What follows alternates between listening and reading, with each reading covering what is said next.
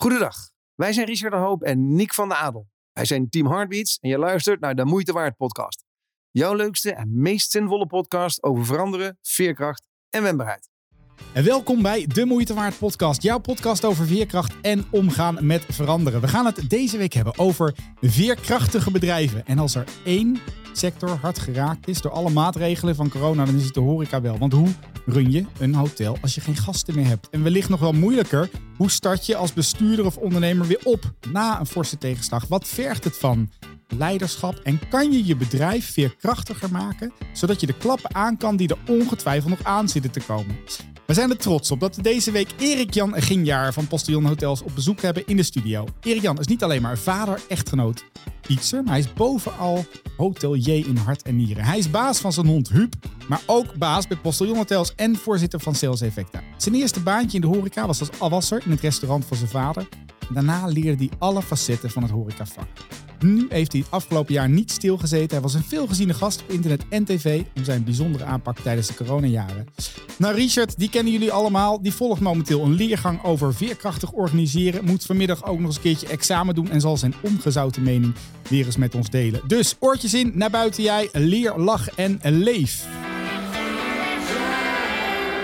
Wat is nou veerkracht? Wat zijn de zaken die jou echt boeien, die jou echt raken? Ik wil het weten, speel op een kaart. Wat is voor jou, voor jou, voor jou de moeite waard? Ja, nou, lieve luisteraar, daar zijn we weer met een hele bijzondere gast. Erik Hallo Jan. allemaal. Ja, Leuk dat jullie luisteren. Nou, ik eh, vind het erg leuk dat je er bent, Erik Jan. Ja, de vaste luisteraar van onze podcast weet dat we elke week beginnen met het positieve nieuws van deze week. Dus als ik jou nou zou vragen, wat is een klein, leuk, moois iets wat je deze week hebt meegemaakt? Ja, dat, ik, ik kan niet anders dan afgelopen dinsdag benoemen. Wij hebben met hart en ziel gewerkt aan een groot congrescentrum in Den Haag. Cool. Eh, dat is, eh, zou 1 april klaar zijn. Ja, bouwen, dat gaat natuurlijk altijd strikt op tijd. Hè. Dat loopt nooit uit. Uiteraard, dus dat uiteraard. eh, was Ja. in ons geval ook. Ja. En we hadden afgelopen dinsdag 12 april ons eerste congres. Meteen duizend gasten in, Wow. eh, in, het, eh, in het gebouw. Holy mac. Dat is, eh, dat is iets anders dan droog oefenen, zal ik maar zeggen. Eh, en eh, eh, maandag gingen de laatste bouwers het, eh, het pand uit. Ja, en dan de cacophonie van geluid van duizend gasten die naar binnen komen. Oh, mijn god. De wedstrijdspanning die je voelt Ja. als je maandagavond naar bed gaat. Als je dinsdagochtend om vier uur rechtop zit omdat je weet dat je moet gaan presteren. Dat is denk ik toch het positieve nieuws. Het voelde als een Champions League finale. Eh, uiteraard gewonnen. Eh, was het vast ook, ook, wel een paar foutjes gemaakt. Maar het was, het. was genieten was het. ja, het was echt Oh, genieten. Wat gaaf. Ja, wat heerlijk. Ik durf mijn, Richard, ik durf mijn nieuws helemaal niet meer te ja, delen. nee, dat voor jou is inderdaad echt poep. Maar dat weet je, dat zijn een beetje gewend. Dat Hey, maar, maar. Ricardo, ga jij eens. Wat, wat is je positieve nieuws deze week, jongen? Nou, ik had namelijk... Nee, weet je, ik, had, ehm, eh, ik, ik mag vaak in Duitsland optreden. Alleen, eh, Erik, Jan, misschien weet je dat in Duitsland liggen ze, zijn ze wat voorzichtiger. Daar, daar hebben ze Ja. natuurlijk Bundesländer. En al die Bundesländer mogen zelf bepalen. Het is ook heel grappig als je in de trein zit. En je rijdt van Bayern naar... eh, laat even dat je van München dat je naar eh, Keulen toe gaat. Dan ga je door drie, vier Bundesländer. En dat betekent dat je je mondkapje in München opzet. En dat je hem dan, als je door Baden-Württemberg komt, dat je dan af mag zetten. En dan kom je door Hessen en dan moet je hem op. Nou ja, afijn, zo. dus dat is... eh, Dat virus kent ook al die grenzen. hè. Ja, dat is ja, toch ja, ja, fantastisch. ja, dat is ja, fantastisch. nee, maar dat, ja, precies, die stoppen daar ook. En, ehm, maar, maar dus de hoteliers daar en, en de congresorganisatoren, die zijn ook, ja, je zit, de, de keren die, dat ik er nu sta, zit iedereen nog met een mondkap voor. Dus ook het aantal aanvragen liep daar behoorlijk terug. Dus ik eh, met mijn agent daar eens over eh, eh, sparren. En ja, een van mijn thema's is van klassiek naar jammen. Hè? Dus klassiek is zeg maar, we, doen alles volgens de protocollen en de partituren. En jammen is, jongens, we weten nog niet precies hoe of wat. We moeten samen maar een oplossing bedenken. En dat heb ik dus ook online met, met een paar van die Duitsers op dat, op dat kantoor gedaan. En toen kwamen ze in één keer op het geniale idee. Richard, wenn wir deine Videos anschauen, dann stehen da immer so tausend Leute, die stehen da, äh, die, die, die, die gehen da, die, die, die, die machen die Hölle.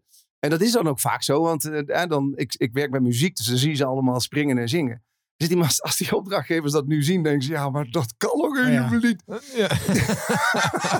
dus, eh, dus we gaan gewoon weer even eh, rustige, eh, eh, kleine, kleine kalme videootjes maken voor, eh, voor nieuwe Duitse opdrachtgevers. En we hadden het nog niet uitgesproken of bam, er kwamen weer een paar aanvragen. Dus Jammen met Duitsers kan ook heel leuk zijn. Dat is, eh, het Ja. werkt. Ze zijn Maar ook het, hartstikke het creatief. klinkt ook veerkrachtig, hè? Ja. Dus, eh, Oh, Ja. mooi linkje hoor, Richard. Nou, en ik ga hem afsluiten, jongens. Ja, wij zijn deze week met eh, Team Heartbeats de, de webshop begonnen met petjes, truien. Ik kreeg al mijn kop van Erik Jan, want elke start-up zei die heeft een, eigenlijk een hoodie nodig. En ik heb geen hoodie aan, maar gewoon een trui. Eh, maar daar ben ik wel heel blij om, eh, omdat wij ehm, steeds, ehm, omdat mensen het steeds leuker vinden om die kleding te dragen. En dan de, de, de, de boodschap van veerkracht, wendbaarheid nog een klein beetje meer de wereld in helpen. Ik hou, mijn korte, ik hou een kort positief nieuwtje deze week. Want ik ga het met jou hebben, eh Erik Jan, en met, eh, met Richard over veerkracht in organisaties. En het vermogen van een organisatie om te anticiperen, zich voor te bereiden en zich aan te passen aan opeenvolgende veranderingen en plotselinge onderbrekingen. Ten einde te overleven om succesvol te zijn. Dat was het eerste wat ik vond toen ik dit googelde. Ik ga je vier stellingen voorleggen. Mag je ja of nee op antwoorden? Of eens of oneens, zoiets. En dan eh, gaan we er wel eh, later op terugkomen. Klaar? ja, zeker. Mooi. Een organisatie is zo veerkrachtig als zijn of haar leider. Ja. Organisaties investeren te weinig in het wendbaar blijven voor de toekomst. Eens. Zakelijke veerkracht begint bij HR. Eens. Oeh. Veerkracht is afhankelijk van de sterkte van de bedrijfscultuur. Zeker waar. Wauw. Alle stellingen die je noemde, is deze is met, met vlagwimpel staat met kop en schouders erboven. Ja? Vertel. Wa- de- ja, dit ben ik Ja, ook wel ik twijfelde heel erg bij HR en eigenlijk Ja. ook bij haar leider. eh, de, die eerste stelling die je stelde. Eh, mijn, eh, wat ik gezien heb in de laatste twee jaar. En eigenlijk gaan we nu door naar de volgende grote uitdaging. Dat is Oekraïne. Laten, we daar, laten we dat niet Ja. vergeten. Ehm, is dat als je niet als team veerkrachtig bent. Eh, als je als enige veerkrachtig bent, dan beweeg je als enige een beetje naar achter. En dan, Mm. je, je kan niet van, voor iedereen de klap opvangen. Dat zal je met elkaar moeten doen. Mhm. Dus eh, als je niet, en dat heeft met cultuur te maken, met DNA van je bedrijf te maken, met communicatie in je bedrijf te maken. Eh, en alles leidt ertoe dat je als één team eh, die crisis aan wil gaan. En als dat lukt, dan kan je alles aan. Maar zodra je één of twee schakels vergeet mee te nemen, eh, in het platgeslagen hotel de afdeling afwas zou vergeten, Mhm. eh, dan, dan ontbreekt er een, een onmisbare schakel in het geheel om die crisis aan te kunnen. Mhm. Eh, dus het team is het allerbelangrijkste dat je hebt. In een crisis is het team het aller, belangrijker dan geld, belangrijker dan klanten, belangrijker dan gebouwen. Het team, dat heb je nodig. Mhm. Zodra dat wegvalt, is er niks meer.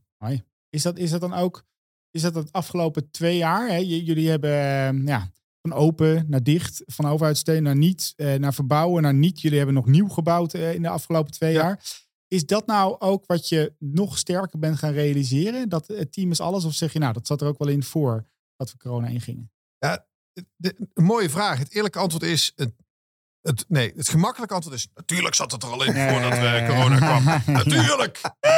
Maar laten we ook eerlijk. Ja. Ja, precies. Ja, precies. ja, maar ja. laten we ook heel eerlijk zijn. Het ging natuurlijk tot in de bomen groeide tot Ja. boven de hemel. Ja. Ja, En dus als ik heel eerlijk ben, heeft dat eerste half jaar COVID me ook wel doen realiseren dat ondanks dat ik vind dat ik heel betrokken ben en overal over de vloer kom en benaderd en al die dingen, al die mooie managementkreten, dat ik me realiseerde dat ik stiekem ook wel door de waan van de dag, de snelheid en Mhm. nog meer investeren en nog groter en nog meer winst, misschien ook wel een beetje verder van de meute af was komen te staan dan ik eigenlijk had gewild. Mhm. Dus ehm, eh, volgens mij is dat ook is dat, dat is het belangrijkste dat ik me gerealiseerd heb. En daar hoort dan dus bij. En daarom zei ik op de eerste stelling van jou ja. ja. Eh, een leider eh, moet veerkrachtig zijn. Ik zou hem willen aanscherpen. En volgens mij is het zo dat als je als leider niet kwetsbaar durft te zijn, en dus niet durft vast te stellen van hé, hey, ik heb hier eigenlijk, eh, zoals ik me gerealiseerd heb, dat ik eigenlijk verder af was komen te staan dan ik had gewild, ja. Mhm.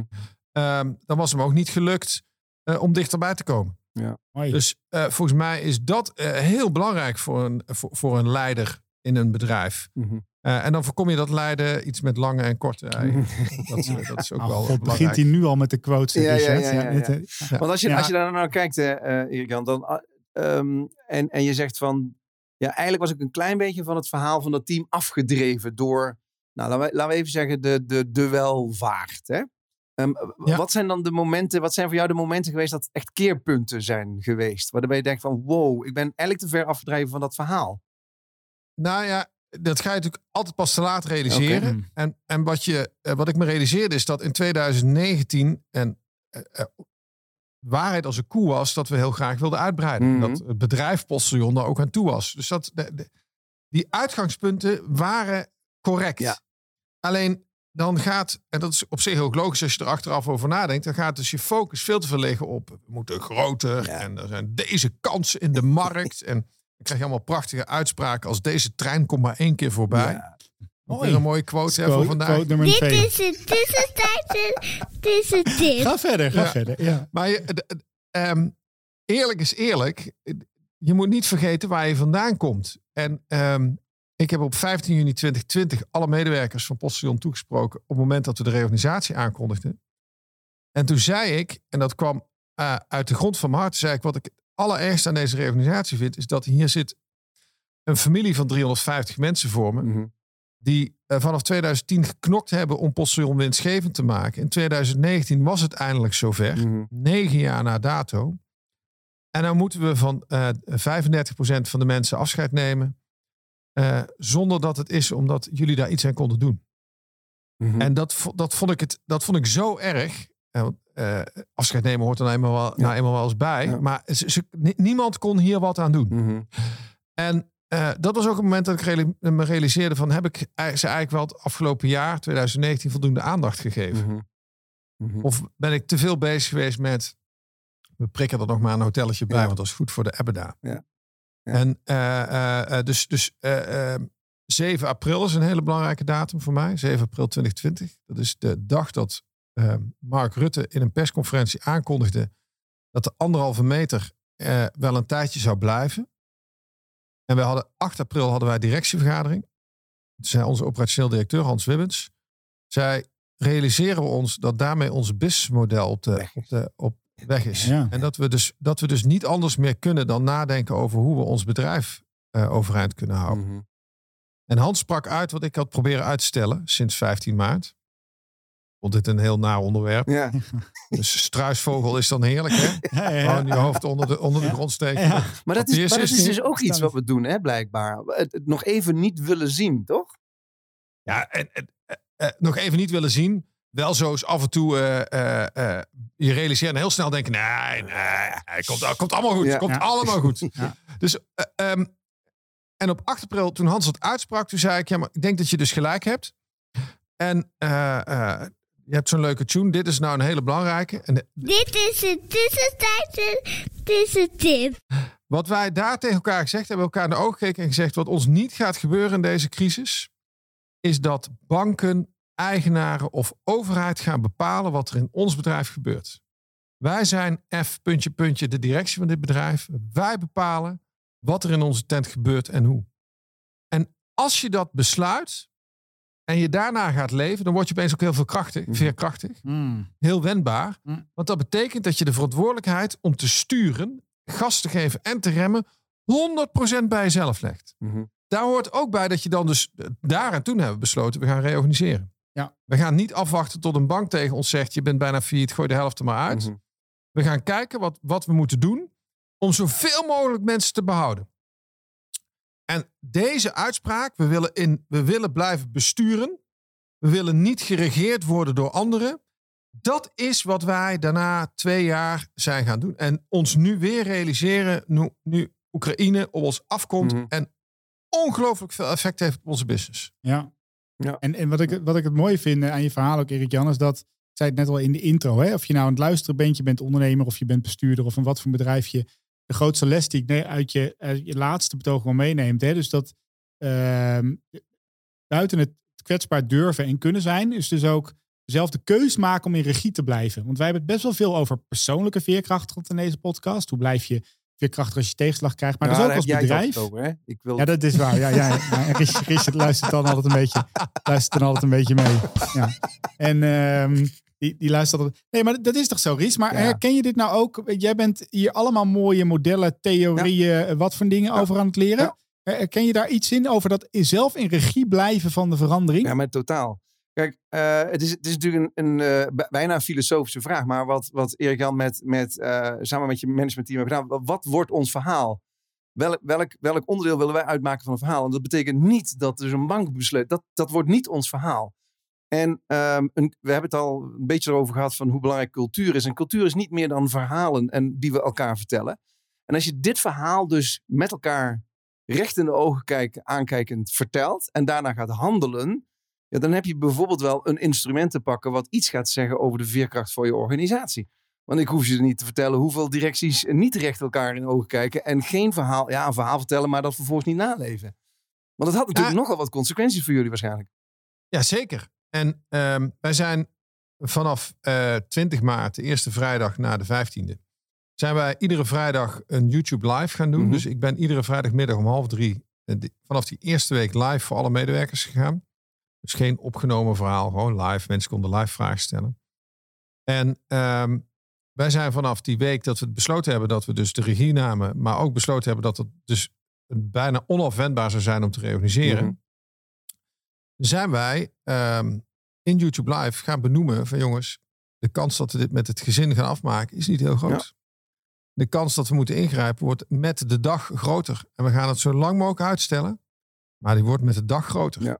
En daarmee was het, de grootte, de omvang was uiteindelijk een verrassing, kregen we terug. En dat snap ik. Ja. Eh, maar dat we dit gingen doen was geen verrassing. Nee. Binnen een week eh, waren wij er met iedereen uit. Ja. Binnen een week. Mhm. Niemand is naar de rechter gegaan. Niemand is, heeft het UWV gebeld. Binnen een week waren wij eruit. Want ook dat is mooi. Hè? Als je dus zelf de regie neemt, kan je dus ook zelf bepalen op welke voorwaarden je afscheid neemt. Klopt. Dus wij hebben gewoon netjes iedereen een, eh, een fatsoenlijke ontslagvergoeding kunnen betalen. Mhm. We hebben iedereen fatsoenlijke kans op outplacement kunnen bieden. En volgens mij is dat ook wat waard. Maar dat, dat heeft allemaal te maken met, kan je eh, zelf dat besluit nemen? Ja. Ja, En kan je dat dus doen naar eer en geweten, naar wat bij dit bedrijf past en hoort. Klopt. Dus dat is eh, denk ik, eh, dat is heel relevant. Dus hoe gek het ook is. Maar ik heb deze reorganisatie wel vaker gebruikt als voorbeeld. Als ik moest vertellen over de cultuur in ons bedrijf en Mhm. wat we belangrijk vinden. Ja, weet je, ik, ik hoor er een paar dingen in. Punt 1, je moet dus wel hulpbronnen hebben. Hè? Dus, dus, eh, want anders dan wordt, stel je voor, je hebt helemaal geen hulpbronnen, geen financiële hulpbronnen om überhaupt dat te kunnen doen. Dan wordt het alweer een ander verhaal. Nou, dat hebben jullie in ieder geval geregeld. En, wat ik een hele belangrijke vind, we noemen dat de veerkrachtladder. Ehm, en die begint helemaal onder in het hoekje met dat dingen een taboe zijn. We gaan er niet over praten. Hè? Die, die struisvogel, je noemde hem net al. En dat is natuurlijk bij heel veel organisaties het geval. hè. We praten er maar niet over, want dan is het er niet. Eh, of we wuiven het een beetje weg, of we worden de slachtoffer. Hè? Van ja, corona, we kunnen ook niks aan doen. Maar jullie zijn echt eh, ehm, gaan jammen met elkaar. En, en je, je wilde iets Ja. leren van die omstandigheden. En dat betekent dat je op de veerkrachtladder aandacht aan je mensen geeft. Want dat, is, dat heb je gedaan door iedere week live te gaan. En ook hoop hebt te blijven uitspreken. Je hebt de hoop Ja. gehad van wij kunnen dit samen. Eh, we Ja. weten nog niet hoe, maar je hebt continu de hoop gehad dat je dingen kon gaan. Tenminste, hebben jullie hoop gehad? Laat ik het zo zeggen. Ja, ja. Eh, eh, de stellige overtuiging van mij is, we waren gezond in 2019. Dus we komen hier gezond uit. Dat was mijn stellige overtuiging. Ja, mooi. En die heb ik nog steeds. Ja. Mm. Eh, je ziet het ook dat we er eh rete gezond uitkomen als ik kijk naar hoe snel het herstel gaat. Ja. Wat, wat ons tweede kwartaal dit jaar gaat doen. Eh, ondanks dat we het eerste kwartaal dramatisch zijn gestart, eh, lijken er toch vier van de acht locaties gewoon een budget nog te halen. Ja, knap. Dus eh, voor dit jaar. Dus, dus ontzettend goed. Hm. maar, maar dat is wat je zaait, zul je oogsten. Hè? We Mhm. zijn natuurlijk de hele COVID-tijd wilden we zichtbaar blijven, wilden ons niet in dat, in dat huilhoekje laten, Ja. laten landen. En een van de belangrijke dingen die ik daar ehm, mee meegekregen heb was, en eigenlijk wist ik het ook wel, maar dan, soms heb je dat nodig. Wij gingen die reorganisatie, die was er, eh, zou aankomen. En we hebben een PR-bureau uit Amsterdam dat Mhm. ons begeleidt, eh, gewoon normaal. En die had ik toch even voor de vorm een week van tevoren gebeld. En gezegd, joh, wij gaan dit doen. als er nou ergens een vraag komt, weet u van. Nou, ik heb nog nooit zo op mijn falie gehad. Echt? Waarom ik dit niet eerder besproken had. Want realiseer, ik had dat helemaal niet gerealiseerd. Realiseer je wel, je bent dadelijk de eerste hotelketen. Er is nog niemand die dit gedaan heeft. Mhm. En belangrijker nog, je bent met je snoeter in COVID eh, constant eh, overal zichtbaar geweest. Mhm. Dus dit is nieuws. Ja. Zei ik, nou, dit is nieuws. Helemaal geen nieuws. Hartstikke verdrietig. Nee, ja, juist daarom is het nieuws. Ja. Dus ze hebben mij toen geadviseerd om actief de media op te zoeken. Eén interview te geven voor 15 juni. Dus voordat de medewerkers het zouden weten. Mhm. Onder embargo. En die dan op 15 juni om 6 uur 's middags, nadat de laatste medewerkers geïnformeerd waren, eh, dat embargo eraf te laten. Mhm. Dubbe, dubbe, dubbe, dubbe, dubbe, dubbe. Knijter spannend, toch gedaan. Ja. En eh, dat interview gegeven. Vreselijke zondagavond, klamme handen. Ja, eh, die meneer aan de lijn gehad. Eh, hij heeft daar een prachtig verhaal van gemaakt. En op maandag eh, zes uur ging dat ding, ging dat embargo eraf. Mhm.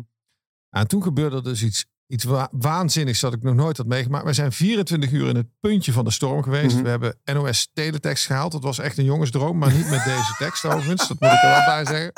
Ik had hele andere dromen vroeger, Richard. Maar, maar goed, de teletext. op, man. Maar goed, Dat het toch staat. Nou, hè? ja, vooruit. Ja. Een beetje meer van deze tijd. Het liveblog van de NOS hebben we ook Ja, heel goed, heel goed, heel goed. heel goed. Maar, eh, eh, eh, maar het PR-bureau had ook gezegd... als je dit managt, dan ben je binnen 24 uur ook weer uit dat puntje van die storm. Mhm. En dan hoor je daarna nooit meer wat over. Mhm. En verdomd dat ze gelijk hebben gehad. Ja, ja. Verdomd dat ze gelijk hebben gehad. En ik heb daar later nog met ze over nagepraat. Ze zeiden het beste advies dat we kunnen geven aan bedrijven waar crisis uitbreekt. En een reorganisatie Ja, ja. kan het wel een vorm van crisis noemen. Is zorg, ook hier weer, neem de regie. ja. Bepaal welke boodschap Hmm. naar buiten gaat. Bepaal wat jij wil vertellen. Mhm. Zorg dat dat bij alle media tegelijk landt. Mhm. Dat kan in Nederland via het ANP. En dan ben je er in één keer vanaf. Ja. Als jij dat niet doet, dan Dan gaan het achtervolgen. al die journalisten je allemaal losbellen. Hmm. En je gaat dan niet honderd keer hetzelfde verhaal vertellen. Nee. En dus daar zit een verschil tussen. Hmm. En juist dat verschil, Ja. dat is het probleem. Ja, ja. En wij willen natuurlijk zo snel mogelijk weer uit die, uit die storm. Mhm. En dat is, dat is gelukt. Dus ik vond dat ook wel, eh, ook, ook dat vergeet ik nooit meer. Mhm. Mm. En ik- je wilde zo snel mogelijk uit die storm, maar, maar, maar dan, het- het- wilden jullie niet meer met je kop in de wind staan? Of wat is het dan? Nou ja, je wil heel graag met je kop in de wind staan. Maar waar je niet, eh, wat je niet wil hebben, is dat je weken moet gaan praten over die reo- reorganisatie. Reorganisatie heeft natuurlijk iets heel negatiefs. Daar wil je niet over praten. Je wil zo snel mogelijk weer praten over dat je hoop hebt. Dat je ziet Ja, dat de markt aantrekt. eh, dat, je, dat je ervan uitgaat dat er geen lockdown meer kwam. Eh, We moesten toen eens weten. Juni 2020. Maar- Ah, Dat is een goede voorspelling. Ja. ja, ja, precies, dat dat- is lekker Dat zijn allemaal Ja. dingen die je... Daar wilde je het over hebben. Ja. Je wilde het niet hebben over... eh, weer, eh, weer de opraken dat je 30% van je mensen moet ontstaan. Hey, en hey, Erik-Jan, als ik je zou horen, hè, dat is nog één stapje terug. Het lijkt me ook wel. ehm, ik, ik weet dat jullie natuurlijk een actieve rol hebben gezocht. Dus je, hebt net de actieve rol binnen je organisatie beschreven. Je hebt ook nog een actieve rol buiten je organisatie eh, gezet. Maar het is ook iets. ehm, je noemde straks kwetsbaarheid. Het lijkt me ook wel. Dapper is niet het goede woord. Het lijkt me ook wel eng om je kop buiten het maaiveld te steken. Zowel in als buiten de organisatie.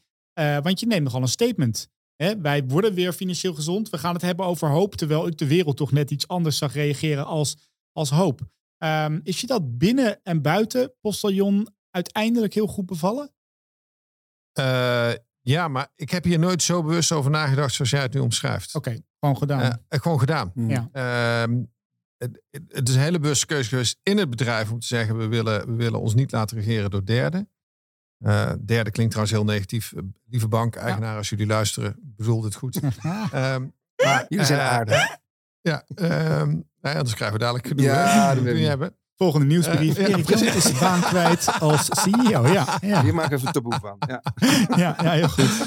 Maar de ehm, eh, extern was, daar hebben wij, ik bedoel, het lijkt natuurlijk alsof we daar enorme plannen voor geschreven hadden. Dat is helemaal niet zo. We hebben het eerste anderhalve meter,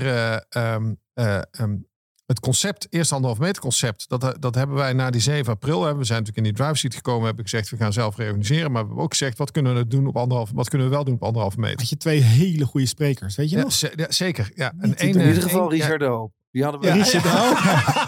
En Nancy Rademaker, toch? Ja, zeker. Ja. Maar, ehm, en dat concept hebben we aangekondigd 8 of 9 april. Hebben we gewoon gedaan met een simpel filmpje, Mm. anderhalve minuut.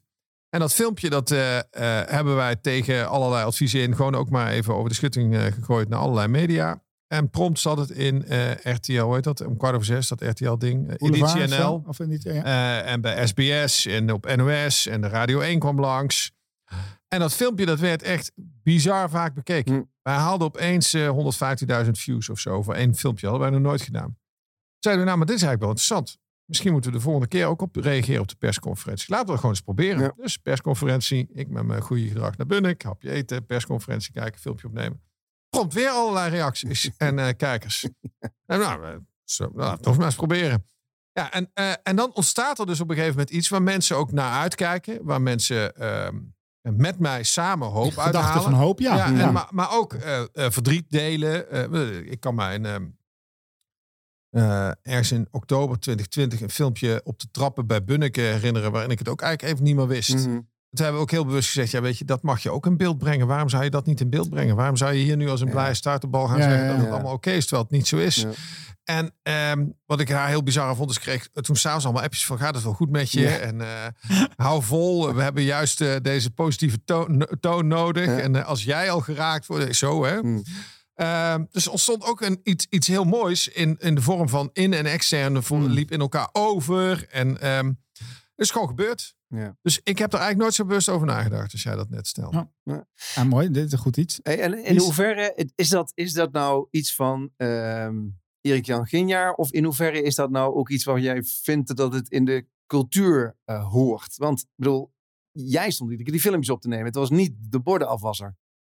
Nee. ehm, bij de cultuur van Postillon hoort eh, dingen net even anders willen doen, eh, voorop willen lopen. Dus, dus de cultuur om dit te doen is echt bedrijfscultuur. Mhm. En als je kijkt naar de audit van Great Place to Work die we gedaan hebben, de audit voor Best Workplace die we gedaan hebben, eh, dan ademt het dat ook uit. Mhm. Ehm, wat jij nu stelt, en dat, daarom twijfel ik een beetje. En in een podcast twijfel is altijd ingewikkeld. Want zien, zien zie je niet denken, maar dat ben ik nu hoor, even aan doen. en heren, op dit moment. Oh man, dit Ja, gezicht. ja, Ja, ja, ja. Oh, dat is niet. Vraagtekens. Ja. nee. Ehm, de, de kern van de vraag is, wat mij betreft, niet had een afwasstad moeten doen. Maar wat we ons wel zijn gaan realiseren. En eh, eh, waar we ook het antwoord nog niet echt goed op gevonden hebben. Is de eerste tijd kleefden deze filmpjes enorm aan eh Postillon. Mhm. En er is ongemerkt een keerpunt geweest. Toen gingen die filmpjes kleven aan Erik Jaginja. Mhm. Eh, en ook dat weer, hè, dus misschien hadden we dat wel strategisch moeten Nou, dat uitdenken weet ik van niet, hè. tevoren. Weet ik niet. Eh, eh, eh, maar we hebben ons dat ook gerealiseerd. Hmm. En als eh, dat gedoetje op het einde met, eh, met eh, mensen die, eh, die eh, wat de, de wappies er Hmm. niet geweest was, dan hadden we dit hele verhaal afgesloten met een grote borrel voor iedereen die ooit op onze filmpjes gereageerd had. Ja, ja. Dat zijn meer dan 2000 mensen en die hadden we dan allemaal uitgenodigd Ja. om een biertje te Ja, komen drinken. Het de ruimte in Den Haag nu, Ja, eh, hoor precies. ik. Het, eh, ja. het, het glas even op het Ja. einde van, eh, van, eh, van COVID. Ja. Eh, maar goed, toen kwam er even wat gedoe tussendoor. Hmm. En daarmee, dat was eigenlijk ons, ons statement geweest om het terug te brengen Mm. naar Postillon. Hmm. Hmm. Dus je raakt, da- daarom zag je mij denken, je raakt wel een, een onderdeel van, van eh, ja, een, een, ik noem het geen negatief side effect, want het was helemaal niet negatief. nee, nee, nee. Ehm, maar daar, ja, we konden dat op een gegeven moment ook niet meer herstellen. Mhm. Dus eh, Nee. op het moment dat we ons realiseerden, shit, het gaat aan Erik Jan kleven Mhm. in plaats van een postillon.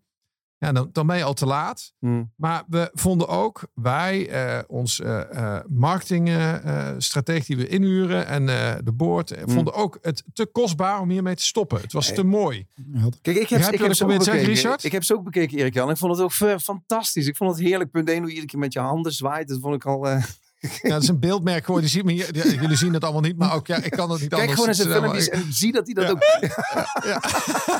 nee, maar het is dus, dus de, de vraag was niet van had je dat anders moeten doen? Hoor. Helemaal niet. Maar eh, ik, ik hoor je wel zeggen, ik kijk dus naar die, die, die persconferentie en dan, wap, dan wil ik dat filmpje. Want dat zit, dat zit volgens mij ook echt in Erik Jan. En aan de Ja. andere Ja. kant heb je die cultuur. Dus voor je het weet, ehm, dit is geen verwijt, maar voor je het weet zing je ook bijna los, hè? Ja, en, en daar zijn we dus heel kritisch op geweest in het bedrijf. Ja. Van jongens, ehm, het doen we nog wat bij ons Ja. past. Hey, en ik, waar ik nog een, een bruggetje naar wil maken, want we hebben het nu eigenlijk over het verleden gehad. Nou weet ik dat, dat mensen die aan het luisteren zijn, eh, er zitten veel ondernemers tussen. Eh, wellicht met iets kleinere bedrijven dan, eh, dan 350 man in dienst. eh, ehm, eh, of een reorganisatie van 35% mee hebben gemaakt. Maar laten we eens naar de toekomst blijven. Wat zijn nou lessen die je hebt mogen leren de afgelopen 10 jaar, 15 jaar in je, in je carrière? En Ries, voor jou ook wel de vraag. Mhm. eh, die je juist wendbaar maken in de toekomst. Dus zou je, dus of er nou een corona aankomt, of een financiële crisis, of een personeelstekort, zou zomaar kunnen gebeuren in de horeca. Hè? Eh, eh, stel dat dat gebeurt, hoe zou je je nou als bedrijf kunnen wapenen al tegen veranderingen die er aan zitten te komen in de toekomst? Nieuwsgierig naar. Ja, Of kan dat überhaupt? Ik wil eerst reageren op wat je zegt. Dat luisteren ook mensen met kleinere bedrijven of andere bedrijven. De belangrijkste is volgens mij dat het helemaal niet uitmaakt of je nou groot of klein bent. Nee, helemaal eens. Dat, dat is echt dat, dat is een misvatting. Eh, want eh, voor een klein bedrijf is 35% van de mensen ontslaan veel. En voor een groot bedrijf is 35% van de mensen ontslaan veel. Ja. Eh, het, het aantal dat bij 35% hoort, verschilt misschien een beetje. Ja. Maar het doet net zoveel pijn in de organisatie. Ja. Ehm, dus dat, dat is één. Twee, wat ik heel belangrijk vind en wat ik echt gemerkt heb, is je moet het samen doen. En dat is dat cultuurstuk waar we het aan het begin over gehad hebben. Zorg dat er een hek om jouw team en, de, en, en cultuur heen staat. En realiseer dat de DNA altijd in ontwikkeling is. En accepteer dat ook. En beweeg daarin mee, maar zet wel je grenzen. Mhm. En ehm, eh, be- be- bepaalde piketpaaltjes. Eh, ik, ik hou ervan om naar voetbal de vergelijking te maken, zoals jij naar muziek de vergelijking maakt. En zo'n neem nou dat congres waar ik zojuist over vertelde, die wedstrijdspanning waarmee we begonnen. Ehm, Heb- uiteindelijk ben ik een coach, Hm. een Erik ten Hag van Ajax. Maar je ziet Erik ten Hag op de wedstrijddag ook niet meer iets aan zijn tactiek veranderen. Je ziet Erik ten Hag op zijn wedstrijddag ook niet meer druk bewegen langs de kant. Dus ik begrijp dat, jij kan- van PSV bent. Ja, zeker. Ja, ja, ja, dat is duidelijk. dit. dat, dat, dat gaat ook niet meer. Maar, Eh, dus als je naar het congres van afgelopen dinsdag kijkt, dan ben ik zeker in de voorbereiding eh, betrokken. Maar op de dag zelf eh, ga ik niet eens naar Den Haag toe. mhm. Want dat heeft geen zin. Dan moet het team het doen. En onderdeel van die cultuur is dus dat mensen dat er ook snappen, begrijpen, ervaren, voelen. Dat iedereen een rol in dat team heeft. Mhm. Nou, en dat is denk ik, en dat is onze cultuur, dus eh, ieder bedrijf heeft zijn eigen cultuur. Maar die, die cultuur, als je die zo geborgd hebt, dan kan je denk ik alles aan. En een cultuur heb je ook in een bedrijf met drie mensen. Heb je in een bedrijf met tien mensen, heb je in een Zeker, bedrijf met duizend zeker. mensen. Ja. Cultuur. En jij, Ries? Ehm, ja, wat is nou de vraag van? Ik ben Nou, hoe, hoe, hoe word je als bedrijf? Dus, dus in de hoe toekomst. kan je nu, ja, hoe, hoe Ja. kan je dus nu in investeren? maakt wel je indruk. Nou ja, ja, dat is fijn, hè, dat mijn hoor- vraagsteller... nou, wat, wat belangrijk is, hè, dus we, we hebben het, ehm, eh, ook als ik naar, naar Erik Jan kijk en dan vroeg naar de filmpjes, dan, dan zie ik daar hele eh, enorme mentale weerbaarheid. Hè? Dus ik zie hem daar iedere keer staan en denk, wow, ja, dat is... En inderdaad, dat je dan ook reactie krijgt van gaat het nog wel goed met je? Omdat, omdat het een soort van, nou mensen kijken graag, we hebben, we hebben de vorige aflevering hebben we gemaakt over helden. We, kijken graag ook naar mensen die dan toch nog overeind kunnen blijven staan. Dat is zeg maar die mentale veerkracht. Wat mooi is, we hebben het nu over die cultuur. En dat betekent cultuur, dat zijn eigenlijk de ongeschreven regels. Ja, en ehm, dat zijn de verhalen die we elkaar vertellen. En die zijn ook best lastig. Maar, ehm, maar die kunnen er wel voor zorgen dat je samen ook met hoop iedere keer naar een toekomst kijkt. En dan heb je ook nog zeg maar, die sociale harmonie, dus de sociale veerkracht. En dat zit dan volgens mij bij jullie ook per locatie. Want ja, je, je, je praat wel aan de ene kant over één groot team. Maar dat is natuurlijk een beetje onzin. Want uiteindelijk is een team, zit, zit volgens mij op een locatie. Hè? Dat is of Bunnik Absoluut of Amsterdam. absoluut Of, en die moeten daar lokaal moeten die het, eh, eh, moeten die het voor elkaar krijgen. En volgens mij is het juist aantrekkelijk voor organisaties om die drie delen ook in, in eh, die, drie, die drie delen van, van veerkracht te verbinden. Dus aan de ene kant dat je mensen hebt die mentaal weerbaar zijn, maar ook teams die mentaal weer, eh, eh, veerkrachtig zijn. En dan vervolgens een organisatiecultuur die veerkrachtig is. Alleen die drie dingen maken dat je ook die toekomst met hoop tegemoet kan kijken. Want uiteindelijk, er zullen altijd dingen op ons afkomen die we niet hadden voorzien, die we niet hadden gepland. Dus ja, ik vind, vind de, de, eh, ehm, de, de definitie hè, om, je, om je voor te bereiden op de toekomst, ja, die, die lijkt een beetje alsof we plannen kunnen maken. Nou, dat kunnen we deels, maar ook heel vaak is het toch? Je moet mensen hebben die oplossings, eh, een oplossingsgericht vermogen hebben. Je moet vermogen om problemen op te lossen. Als je dat vergroot binnen je team en je organisatie, dan hoef ik het niet iedere keer te bedenken. Nee, je moet wendbaar zijn als team. Hè? Een Ja. team moet het ook leuk vinden om met elkaar na te denken over wat is nou, wat gebeurt me nou vandaag? Ja. Of wat komt er nou morgen op ons af? Eh, maar als de basis maar het uitgangspunt, in ons geval, dan eh, is je wil zelf kunnen besluiten. Nou, dan is dat eh, goed, denk ik. Ja. Ik, eh, ik denk dat we daarmee al best een mooi strikje kunnen doen over deze ehm afleveringen Veerkracht in organisaties. En ik heb eigenlijk heel veel mooie dingen gehoord. En daar wil ik toch nog even met jullie bij stilstaan. Want Erik-Jan, jij begon dit hele interview eigenlijk met het, het, het, het kwetsbaar durven zijn ook binnen je organisatie. En de leidraad die bij mij blijft hangen, blijf altijd in regie. En daar sloot je net eigenlijk ook mooi mee af. Ries, jij, jij noemde straks nog even mooi, welk onderdeel in het verhaal wil je eigenlijk spelen? Hè? Dus als je naar voren kijkt, welk onderdeel, en jullie hebben daar heel duidelijk voor gekozen, welke rol en welk onderdeel in het verhaal. Mensen meenemen naar de toekomst. Ja, en het zinnetje wat ik graag gebruik is turn your grief into glory. Komt natuurlijk uit de Amerikanen. Die kunnen dat soort mooie dingen alleen maar bedenken. Maar dat is wel natuurlijk wat jullie hebben gedaan. En het is niet halleluja, Mr. Positivo, het komt allemaal wel goed. Maar heel realistisch. Wel ook kijken naar dat woordje hoop. En dan de laatste zin, Erik Jan, die je uitsprak. Zorg dat je een hek om je cultuur heen slaat. Bepaal je piketpaaltjes. Vond ik een hele mooie. Ja, maar zorg wel dat het Ik kan hoop- ademen. Dat de mensen binnen en buiten kunnen. ja, ja, ja, ja, dat mag. Ja, Dat is ja, het ja. mooie van hekken. hè, dat is mooi Nou, van sowieso hekken. heeft Ja, Erik Jan nou, dadelijk het laatste woord, vind ik. Maar, Zeker, ja, zeker ja, ook. ja, Maar als je Trump naar een hek vraagt, eh, dan krijg je een nou ja, precies. Maar dat geheel terzijde. Ja, nou, Erik-Jan, maar dat, eh, Ries, is er nog een bijzondere vraag die je wil stellen? Of heb jij eh, gewoon nog een opmerking Nou ja, als, je, als we het dadelijk over de tussentijdse tussentips eh, nog hebben, dan zou, ben ik wel heel benieuwd inderdaad van wat zijn nou de, hè, de belangrijkste dingen die je hebt geleerd eh, van deze afgelopen periode? Wat zijn, wat zijn echt wel levenslessen die je eruit eh, mee hebt genomen?